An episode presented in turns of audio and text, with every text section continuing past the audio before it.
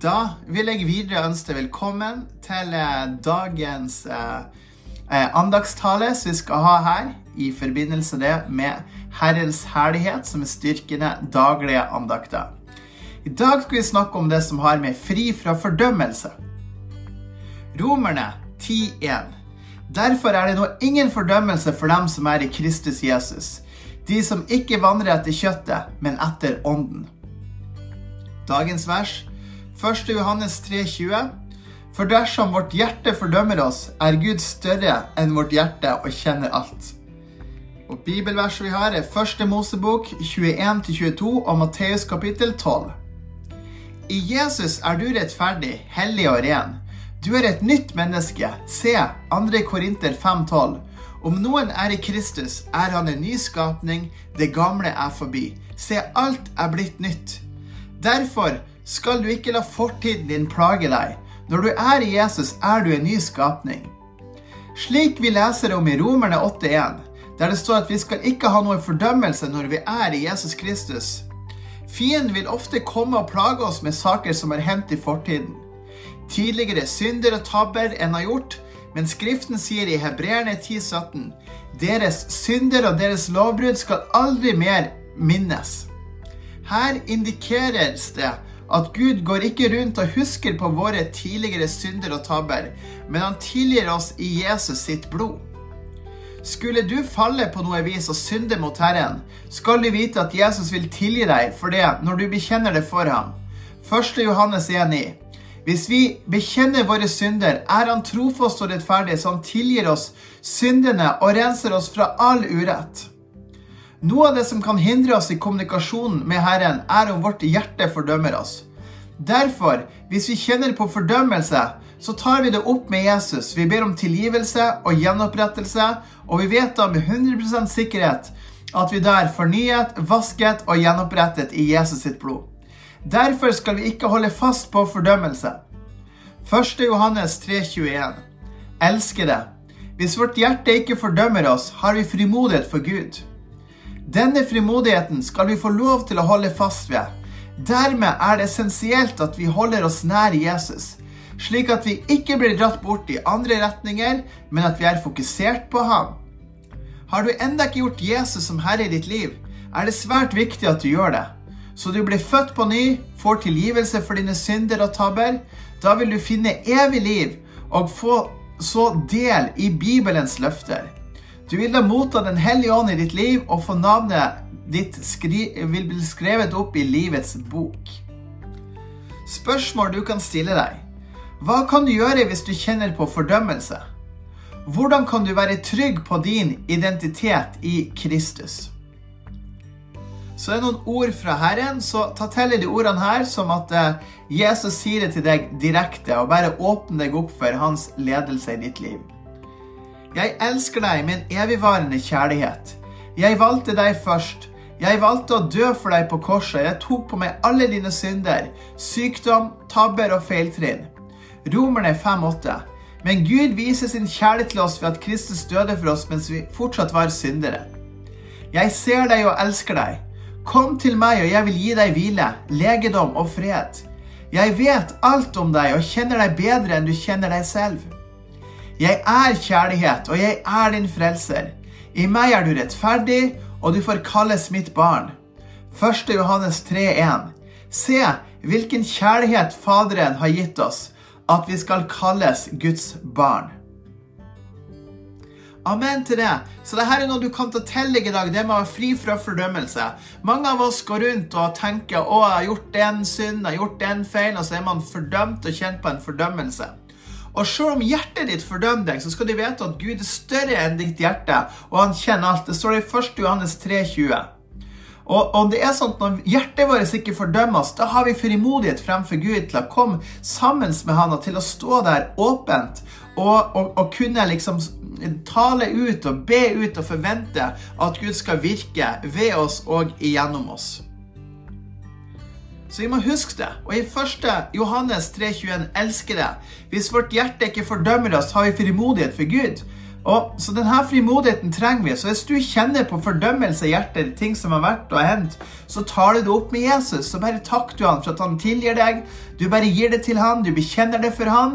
Og når du har gjort det, så skal du ikke ha fordømmelse. Du skal ikke ha noe til å komme og plage deg. Og kommer tanker om at og om at igjen, og tankekjør og plaging som kommer, så er ikke det fra Gud i det hele tatt. Da setter du det på plass, og så sier du i Jesu navn, jeg har blitt tilgitt, jeg er ren i Jesu blod, jeg er en ny skapning, alt er nytt. Det er min identitet. Så når du, tar det for deg, den identiteten, så kan du få lov å gå på den. Og da kan du gå på den veien som Gud har for deg, for Gud har noe helt spesielt for deg. Han har planta noe helt unikt i ditt hjerte. Og du er rettferdig, du er hellig, og du er ren i Jesus. Klart vi må ha Jesus, da. Det nytter ikke liksom å si at 'nei, jeg tror ikke på Jesus', eller 'jeg har ikke fellesskap med Jesus', og da være en. Først må du være Jesus. Du må komme til han, omvende deg, si 'Jesus, jeg vil bli kjent med deg', 'Jesus, jeg vil følge deg, jeg vil søke deg'. Tilgi meg alle mine feil, synder. Jeg vil ha deg som Herre i hjertet. Og hvordan tro kommer? Tro kommer av det en hører. Så Derfor trenger du å høre Guds ord. Du trenger å høre at det blir forkynt. Du trenger å høre på taler, du trenger å lese i Skriften og lese i Bibelen. Og ta til deg den nye identiteten som du har med at du er rettferdig i Jesus. Du er kongelig. Du er en kongelig prest i Han. Og, og når vi forstår det her og kan ha den identiteten med at vi er hellige i Jesus, så kan vi få lov å gå i ferdiglagte gjerninger. Og vi da kan få lov til å ha frimodighet fremfor Gud, og da kan du få lov til å be. Og Gud han kaller deg til samfunn med Han. Han vil at du skal være sammen med Han. Han vil at du skal være med Han. Han vil fylle deg opp med sin kjærlighet, med sin nåde, med sin glede, med sin dybde. Og han ønsker å vise deg at han er herre i ditt liv og at han elsker deg. Han har dødd for deg på korset. Og Jesus han har en sånn enorm enorm, enorm kjærlighet for deg. Altså, han er bare så ufattelig ufattelig glad i deg. Han elsker deg, og han ønsker at du skal få lov å bare kjenne den kjærligheten her. Gå i den kjærligheten, vandre i den, og at du skal få lov til å bare bli marinert i hans nåde og hans godhet, rett og slett. Så derfor skal vi vite det, som Romerne 8.1 sier Derfor er det ingen fordømmelse for dem som er i Jesus Kristus. Jeg sier det igjen. Derfor er det ingen fordømmelse for dem som er i Jesus Kristus. De som ikke vandrer etter kjøttet, men etter ånden. Amen. Ta det til deg. Det er ingen fordømmelse i det hele tatt. Gud er ikke her for å fordømme deg eller noe sånt. Og er det sånn at det har skjedd noe, så kommer du til Jesus med det, og du får legedom, du får helbredelse. Og det kan også være fint å ofte å bekjenne ting som er vanskelig for andre kristne, og bare dele hjertet, fordi det er med å gi legedom i hjertet. Ofte så kan det være sånn at hvis vi har gjort noe dumt, så klart Gud tilgir oss når vi kommer til Han, men så er det at vi ikke tilgir oss sjøl. Så derfor trenger du å tilgi deg sjøl hvis det er ting som er.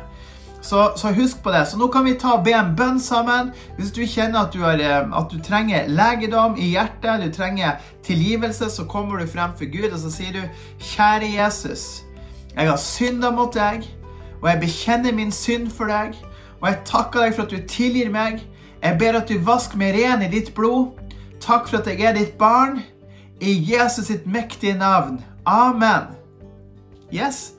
Og så kommer du frem for Gud med frimodighet. Og så vet du da at da er ikke Gud der. Altså, han, han heier på deg. Han elsker deg. Han er ikke der for å fordømme deg. Og selv om på en måte hjertet ditt fordømmer deg, så er Gud større enn ditt hjerte, og han kjenner alle ting. Så vet jeg, vær trygg på din identitet.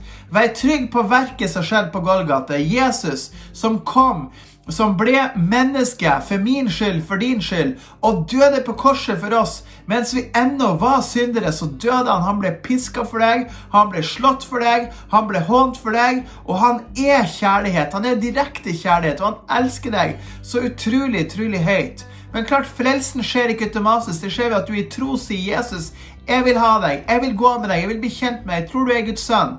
Da vil du erfare at hvordan Gud kommer og flytter på innsida av deg skal lese det siste en gang til her. og det er at Har du enda ikke gjort Jesus som herre i ditt liv, er det svært viktig at du gjør det, så du blir født på ny og får tilgivelse for dine synder og tabber. Da vil du finne evig liv, og så får du del i Bibelens løfter. Du vil da motta Den hellige ånd i ditt liv, og få navnet eh, vil bli skrevet opp i livets bok. Husk på det. Det er liksom veien å gå. Alt skjer gjennom Jesus via Jesus. Han er Herrenes Herre. Amen. Da skal vi lese i Skriften. Og Vi skal begynne å lese her i uh, Matteus kapittel 12. La oss lese det sammen. Hvis du har Bibel, så kan du bla opp sammen med meg til eh, Matteus kapittel 12.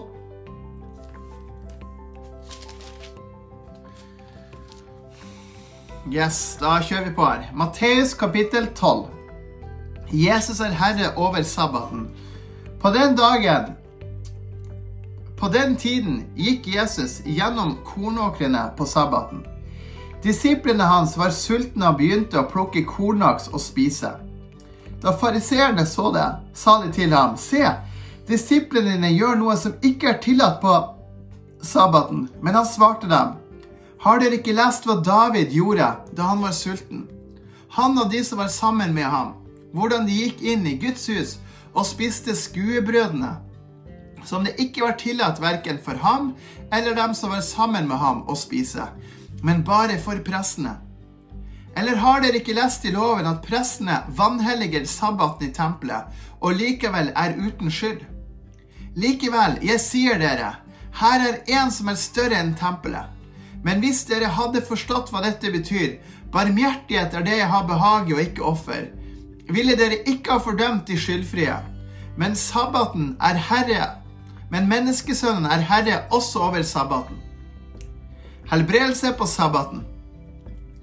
Da han hadde dratt derfra, gikk han inn i synagogen deres. Se, der var det et menneske som hadde en vissen hånd.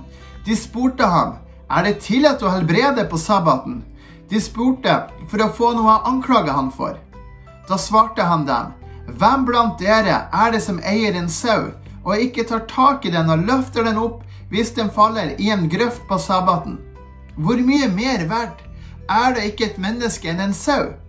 Derfor er det tillatt å gjøre godt på sabbaten. Så sa han til dette mennesket, rekk ut hånden din.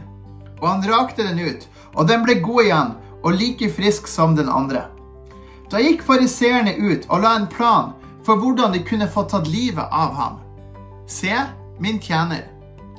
Men siden Jesus forsto dette, trakk han seg tilbake derfra. En stor folkeskare fulgte ham, og han helbredet dem alle. Likevel formante han dem og sa at de ikke skulle gjøre ham kjent. Slik at det skulle bli oppfylt, som var talt ved profeten Jesaja, som sier, Se, min tjener som jeg har utvalgt, min elskede som min sjel har velbehag i. Jeg vil legge min, min ånd på ham, og han skal forkynne rett for folkeslagene. Han skal ikke trette eller rope, heller ikke skal noen høre hans røst på gatene.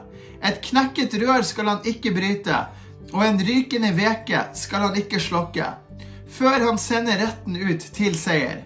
Og til hans navn skal folkeslagene sette sin lit. Et hus i strid med seg selv. Da ble, det, da ble det ført til ham en som var demonbesatt, og som var blind og stum.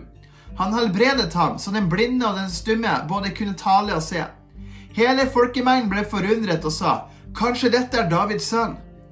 Da fariseerne hørte det, sa de, det er bare ved Belsebub, demoners hersker, han driver ut demonene. Men Jesus kjente tankene deres og sa til dem, hvert rike som er i strid med seg selv, blir ødelagt, og hver by eller hvert hus som er i strid med seg selv, kan ikke bli stående. Hvis Satan driver ut Satan, er han kommet i strid med seg selv. Hvordan kan det riket hans bli stående? Og hvis jeg driver ut demoner ved Belsebub, ved hvem er det da deres sønner driver dem ut? Derfor skal de være deres dommere. Men hvis jeg driver ut demonene ved Guds ånd, der sannelig Guds rike kommer til dere. Eller hvordan kan en gå inn i huset til den sterke og plyndre hans gods, hvis en ikke først binder den sterke? Da først kan en plyndre hans hus. Den som ikke er med meg, er imot meg, og den som ikke samler med meg, sprer. Den utilgivelige synd. Derfor sier jeg dere, hver synd og bespottelse skal menneskene bli tilgitt, men spott mot ånden skal de ikke bli tilgitt. Den som taler et ord mot menneskesønnen, blir tilgitt. Men den som taler imot Den hellige ånd, skal ikke få tilgivelse, verken i denne tidsalder eller i den kommende. Et tre kjennes på frukten. Enten må dere holde treet for å være godt og frukten god, eller treet for å være dårlig og frukten dårlig. For et tre kjennes på frukten.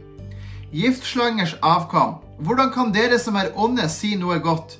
For det hjertet flyter over av, det taler munnen. Et godt menneske henter frem gode ting av den gode skatten i sitt hjerte. Og et ondt menneske henter frem onde ting av den onde skatten. Men jeg sier dere at hvert utnyttig ord menneskene taler, skal de avlegge regnskap for på dommens dag. For etter dine ord skal du bli kjent rettferdig, og etter dine ord skal du bli fordømt. De skriftlærde og fariseerne ber om et tegn. Da tok noen av de skriftlærde og fariseerne til orde og sa, Mester, vi ønsker å se et tegn av deg.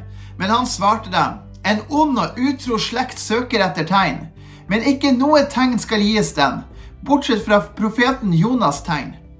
For som Jonah var tre dager og tre netter i den store fiskens buk, slik skal menneskesønnen være tre dager og tre netter i jordens hjerte. Men fra Ninive skal stå opp i dommen sammen med denne slekten og fordømme den. For de omvendte seg ved Jonas' forkynnelse. Og se, her er det en som er større enn Jonah. Dronningen fra sør skal stå opp i dommen sammen med denne slekten og fordømme den. For hun kom fra jordens ender for å høre Salomos visdom. Og se, her er det som, som er større enn Salomo. En uren ånd vender tilbake. Når en uren ånd farer ut av et menneske, drar den gjennom tørre steder på leting etter hvile, og finner det ikke. Så sier den, jeg vil vende tilbake til mitt hus som jeg kom fra. Og når den kommer, finner den det tomt, feid og gjort i stand. Så går den og tar med seg sju andre ånder, mer onde enn den selv. Og de drar inn og blir boende der. Den siste tilstanden til dette mennesket blir verre enn den første. Slik skal det også være med denne onde slekt. Jesu mor og søsken sender bud på ham. Mens han fremdeles talte til folkeskarene, se, da sto hans mor og søsken utenfor og ønsket å få snakke med ham. Da var det en som sa til ham, din mor og din, dine søsken står utenfor og vil snakke med deg.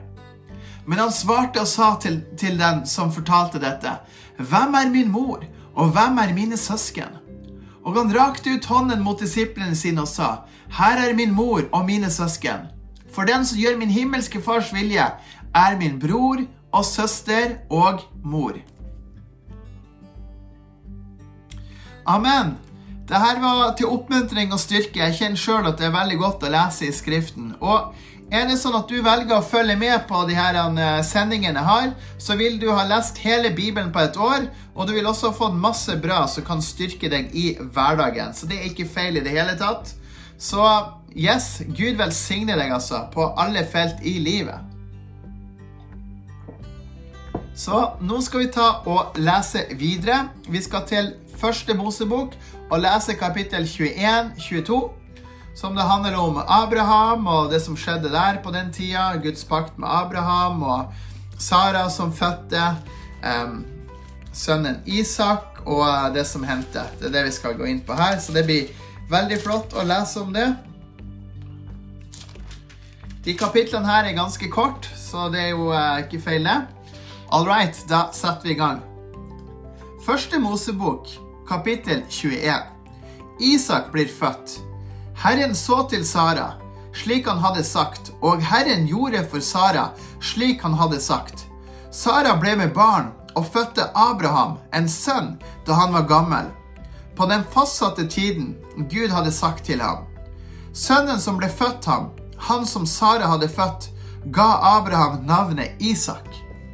Abraham omskar sin sønn Isak da han var åtte dager gammel, slik Gud hadde befalt ham. Abraham var 100 år gammel da hans sønn Isak ble født til ham. Sara sa, Gud har gitt meg latter, og enhver som hører dette, kommer til å le sammen med meg.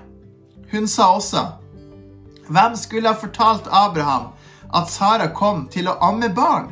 For jeg er født ham en sønn da han var gammel. Hagar og Ishmael drar bort. Barnet vokste og ble avvent, og Abraham stelte i stand en stor fest den dagen Isak ble avvent. Men Sara så at sønnen som egypterkvinnen Hagar hadde født Abraham, spottet. Derfor sa han til Abraham, kast ut denne slavekvinnen og hennes sønn, for slavekvinnens sønn skal ikke arve sammen med min sønn Isak. Abraham ble svært ulykkelig over dette for sin sønns skyld, men Gud sa til Abraham, Vær ikke ulykkelig for guttens skyld, eller for din slavekvinnes skyld. I alt Sara har sagt deg, skal du lyde hennes røst, for i Isak skal din slekt bli kalt. Men også av slavekvinnens sønn vil jeg gjøre et folk. For han er din sønn. Neste morgen sto Abraham tidlig opp. Han tok brød og en skinnsekk med vann, ga det til Hagar og la det på skulderen hennes. Slik sendte han henne bort sammen med gutten. Da dro hun bort og vandret omkring i ødemarken ved Bersheba. Vannet i skinnsekken ble brukt opp, og hun la gutten under en av buskene. Så gikk hun og satte seg rett overfor ham, på et bueskudds avstand. For hun sa, Jeg holder ikke ut å se gutten dø. Hun satt rett overfor ham og gråt høylytt. Gud hørte guttens stemme. Da ropte Guds engel til Hagar fra himmelen og sa til henne, Hva er det som plager deg, Hagar? Frykt ikke, for Gud har hørt guttens røst der han er. Stå opp, reis gutten og hold ham med hånden din, for jeg skal gjøre ham til et stort folk. Så åpnet Gud øynene hennes, og hun fikk se en vannkilde. Hun gikk bort og fylte skinnsekken med vann og ga gutten å drikke. Gud var med gutten. Han vokste og bodde i ødemarken og ble bueskytter. Han bodde i Paran-ørkenen, og hans mor tok en kone til ham fra Egypt. En pakt med Abimelek. Det skjedde på den tiden at Abimelek og Pikol, øverstekommanderende for hæren hans, talte til Abraham og sa, Gud er med deg i alt det du gjør. Så sverg for meg nå ved Gud at du ikke vil opptre falskt overfor meg, mitt avkom eller min etterslekt, men etter den vennlighet jeg har vist deg, skal du gjøre mot meg og mot landet der du har bodd. Abraham sa, jeg skal sverge på det. Men Abraham klaget til Abimelek av en brønn Abimeleks tjenere hadde tilrøvet seg. Abimelek sa, Jeg vet ikke hvem som har gjort dette. Du har ikke fortalt meg det, og jeg har heller ikke hørt om det før i dag. Så tok Abraham småfe og storfe og ga det til Abimelek, og de to sluttet en pakt. Abraham satte til side sju søyelam fra flokken. Da spurte Abimelek Abraham, Hvorfor har du satt disse sju søyelammene til side her for seg selv? Han sa. Du skal ta imot disse sju søyelammene fra min hånd til vitne om at jeg har gravd denne brønnen. Derfor kalte han dette stedet Beersheba, For de to avla Ed der. På den måte sluttet de en pakt i Beersheba, Så brøt Abimelek opp sammen med Pikol, øverstekommanderende for hæren, og de vendte tilbake til filisterlandet. Abraham plantet et tamarisktre i Beersheba, og der påkalte han Herrens, den eviges Guds navn. Abraham ble boende i filisterlandet i mange dager. Wow. Takk og lov. Amen. Det vi da har lest her, er jo det at Isak ble født. Han var født da, og Abraham var 100 år gammel da han ble far til Isak da han ble født. Vi leser òg her at Sara hun hadde jo egentlig ikke helt tro på at dette skulle skje. Wow, Skulle hun få et barn i den høye alderen? Hva var greia med det, liksom? Men Gud hadde lovt det, og det skjedde. Og det var jo sånn at de hadde en stor party for, for Isak da, når han ble avvent. Men så var det sånn at uh, Sara la merke til at uh, Ja, at uh, Hagar, sin sønn, han spotta altså mer eller mindre Isak. Og det likte ikke Sara. Så hun sa til Abraham at han bare skulle kaste ut slavekvinnen og hennes sønn. Og Abraham var veldig ulykkelig over det og gikk til Gud. Gud, hva skal jeg gjøre med det? Og så sa Gud til Abraham, hør på din kone Sara. og Eh, vær ikke ulykkelig for guttens skyld eller for din slavekvinnes skyld, eh, men, men, hør på Sara, for det er Isak din eh, slekt skal bli kalt.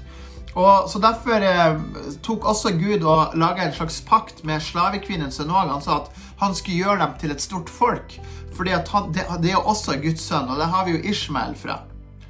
Og Vi ser òg videre her at eh, at eh, Hagar for ut med sønnen Ishmael. Hun trodde at hun skulle dø ute i ørkenen. En engel kom og styrka dem og ga dem løfte og tal til dem. Og det var utrolig mektig, det som ble sagt til Hagar og til Ishmael. Og, og, og, og, det var sånn at det gikk bra med dem. Og videre så ser vi òg at han fikk en kone fra Egypt, og at han bodde i Par Parana-ørkenen, rett og slett. Så ser vi også at det var en pakt som skjedde med Abimelek, som også var sterk. At de, de gjorde en, en, pakt sammen.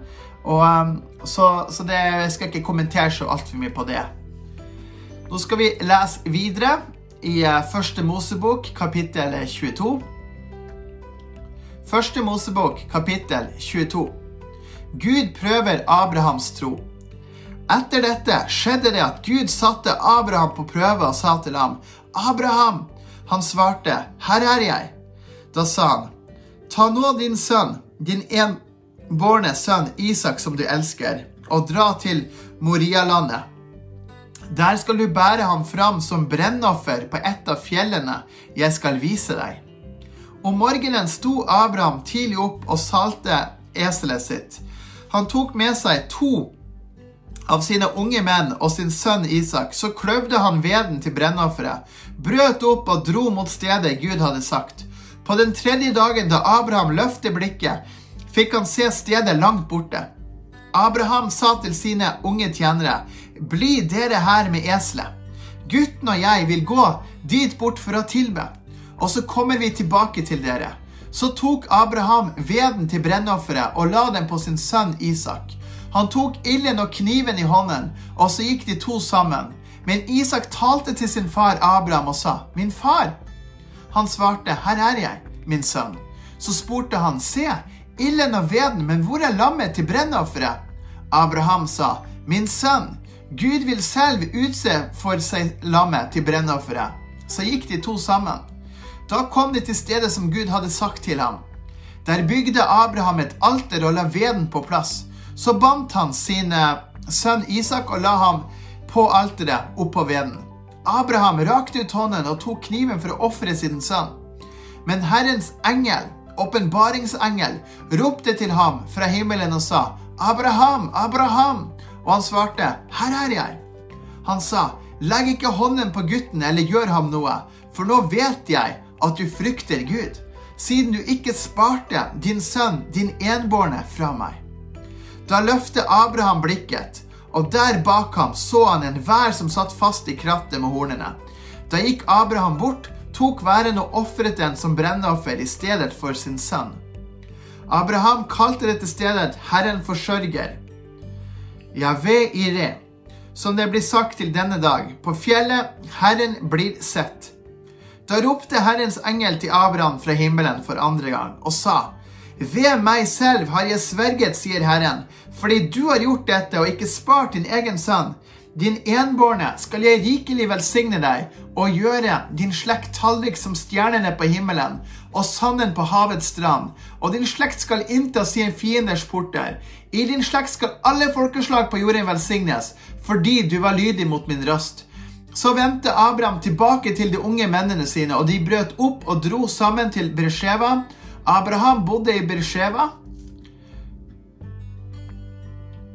Yes, det var det vi hadde lest her. Og det vi ser her i kapittel 22 i første Mosebok, at Gud prøver Abraham sin tro. Altså, Han har venta på på løftesungen i mange år, Isak. Og Abraham er liksom 100 år når Isak blir født. Og så sier Gud at han skal ta han med til Morialandet, og at han skal bære ham frem som brennoffer på et av fjellene. Og Abraham han nølte ikke. Han bare Ja, OK, Gud sa, da gjør jeg det. Det var det han gjorde. Han sa ikke nei, han sa ikke Gud. Han, han spurte ikke engang. Han bare OK, du har peiling, Gud. Jeg har ikke peiling. Du har peiling. Så gjorde han det. Han var lydig. Han gikk dit med sønnen sin. Sønnen hans Isak spurte Herre han, han, sa, 'Min far, eh, hvordan skal vi få tak i eh, offeret, brennofferet?' Og så sier Abraham til Isak at ja, Isak, ikke vær eh, bekymra. Herren vil. The Lord will provide. Herren skal sørge for brennofferet. Og, og, og ga han det svaret. Og Det var jo det som skjedde senere. Men så gikk de sammen og så tenkte tenk på den frykten Isak hadde. Her er Isak. Han blir, han blir, han blir butten liksom der og skal ligge. Og så tenk på den redselen hans og frykten og bare eh, mistillit og pappa liksom skal, skal ta livet av meg. Og så står Abraham der med en kniv og så fremfor sønnen sin og skal skjære opp halsen på han, og sønnen bare ligger der og Vet ikke. Det står, det står, ikke noe mer om hvordan reaksjonene var. Det står ikke hva, hva som ble snakka der, eller om han gråt eller om han hylskrev. Men jeg kan tenke meg at han var ikke helt rolig. Han var nok ganske så 'Pappa, hva er det du gjør?' og liksom sånn her, og liksom Hva skjedde behind the scenes? Og idet Abraham tar kniven og skal skjære opp strupen på Isak, så skjer jo følgende at eh, Herrens åpenbaringsengel kommer fra himmelen og sier 'Stopp! Stopp!' For all del, ikke skad den gutten. Og det var jo det liksom som var greia. For all del, ikke skad den gutten. Han sa, legg ikke hånd på gutten eller gjør han noe. For nå vet jeg at du, at du frykter Gud siden du ikke sparte din sønn fra meg. Wow. Så det var liksom, det var en test. Det var en prøve. Gud prøvde Abraham sin tro. Og fordi Abraham besto den prøven, så så han jo opp, og så så han en vær, en hannvær som han tok, som satt fast med hornene sine, slakta den og ga brennoffer. Og så gir Gud det store løftet, som er helt essensielt. Og så sier han her, han her at uh, i vers 16, uh, 1. Mosebok 22 Ved meg selv har jeg sverget, sier Herren, fordi du har gjort dette og ikke spart din egen sønn, din enbårne, skal jeg rikelig velsigne deg og gjøre din slekt tallrik som stjernene på himmelen og sanden på havets strand, og din slekt skal innta sine fine sporter. Og hvem er den slekta her? Det er det jødiske folket. Det er Israel. De er tallrike som sand. Man går ikke an til å telle dem. Det er så mange av de. Og det er det vi ser. Her er Abrahams velsignelse. Og så sier han videre i vers 18, sier Herren, i din slekt skal alle folkeslag på jorda velsignes. Hva vil det si alle folkeslag? Jo, fordi at Jeshua Jesus han er jøde, og han ble født i Betlehem, i Davids by i Israel for 2000 år siden. Og han var òg av Abrahams ett, ikke sant? Fordi David er, han var Davids ett. Og, og derfra kom velsignelsen. Og fordi at Jesus, Messias, våkna til eh, ved at han kom liksom på jorda eh, eh, ja, Inkarnasjon som skjedde. Han kommer fra himmelen ned til jorda. Og der tok Jesus og, og, og ble eh, døde for oss. Han oppfylte alle profetiene som det står om i Det gamle testamentet. Og han ble til synd for oss, sånn at vi skulle få lov til å bli tilgitt og helbreda. Etter at Jesus døde på korset, så Jeshua døde på korset, for han ned til helvete, til Hades der nede var der og, og, på en måte fant seier over djevelen. Så at han var der, ikke sant? Og, og, han triumferte over dem. Satt alle på plass. og Vi står ikke noen detaljer om hva som skjedde da, men det skjedde. Han hadde en kamp der òg, og han, eh, han, sto der. ikke sant? Det skjedde masse greier liksom behind the scenes her, så ikke vi forstår. Det er så mektig, det her. Men det var fullbrakt, og Jesus døde for oss og sto opp igjen fra de døde. Og på grunn av det si, så sier Gud her til, til, Abraham at i din slekt skal alle folkeslag på jorden velsignes. De velsignes med at man får Messias, og så sier vi også velsignelse med teknologi fra Israel. Altså, Israel er et lys for nasjonene over hele verden. Israel er lys, og det er liksom Guds løftesland. Jerusalem er Guds er evige hovedstad, og det jødiske folket er Guds folk i all evighet. Og det ser vi her, og det er essensielt å huske på, å ta vare på det. Og, og bare vite at velsignelsen kommer herfra. Så kristne og de som kommer på tro, de er poda inn på treet. De er poda inn på det her og fått lov å ta del i Abrahams velsignelse. Fordi at alle folkeslag på jorden velsignes på grunn av Abraham. Og det her er mektig å forstå, ta det til seg og rett og slett vite det at viktigheten i det at uh, skjønn ikke sant, Vi må forstå Skriften, vi må forstå Det gamle testamentet, Det nye testamentet. Og det går ikke an å si at nei, vi skal ikke ha noe med Abraham å gjøre, skal ikke ha noe med Isak å gjøre, eller Jakob skal ikke ha noe med Israels Gud å gjøre. Jakob fikk navnet Israel. Så her er essensielt altså, vi trenger som troende å forstå anerkjenne landet Israel, velsigne Israel, stå opp for Israel og vet det at alt sammen kommer fra Israel. Har det ikke vært Israel, så har det ikke vært frelse. That's how it is. Og Jesus sier sjøl frelsen kommer fra jødene. Så husk det. Ta det til deg, og Gud velsigne deg rikelig. takk for at du hørte på det her, og må du være velsigna og ha en velsigna, velsigna god dag videre. Og eh, Jesus elsker deg utrolig, utrolig høyt. Så veldig flott at du så på. Har du lyst til å følge med på det her, så gå inn på Spotify og søke på Herrens herlighet. Gå inn på kingdomlife.no eller danielhadda.no og finn det her. Og så finner du det også på YouTube. Så følg det her. Det her er andakter som kan være med å styrke deg, revolusjonere livet ditt og gi deg så mye bra. Guds velsignelse for deg, og ha det godt så lenge. Wow, Josh is here. Josh Calendar, bless you. Thank you for listening in my Norwegian language. God bless you so much. Good to see you, man. Yes, all right. Guds fred og velsignelse over dere alle. Ha det godt.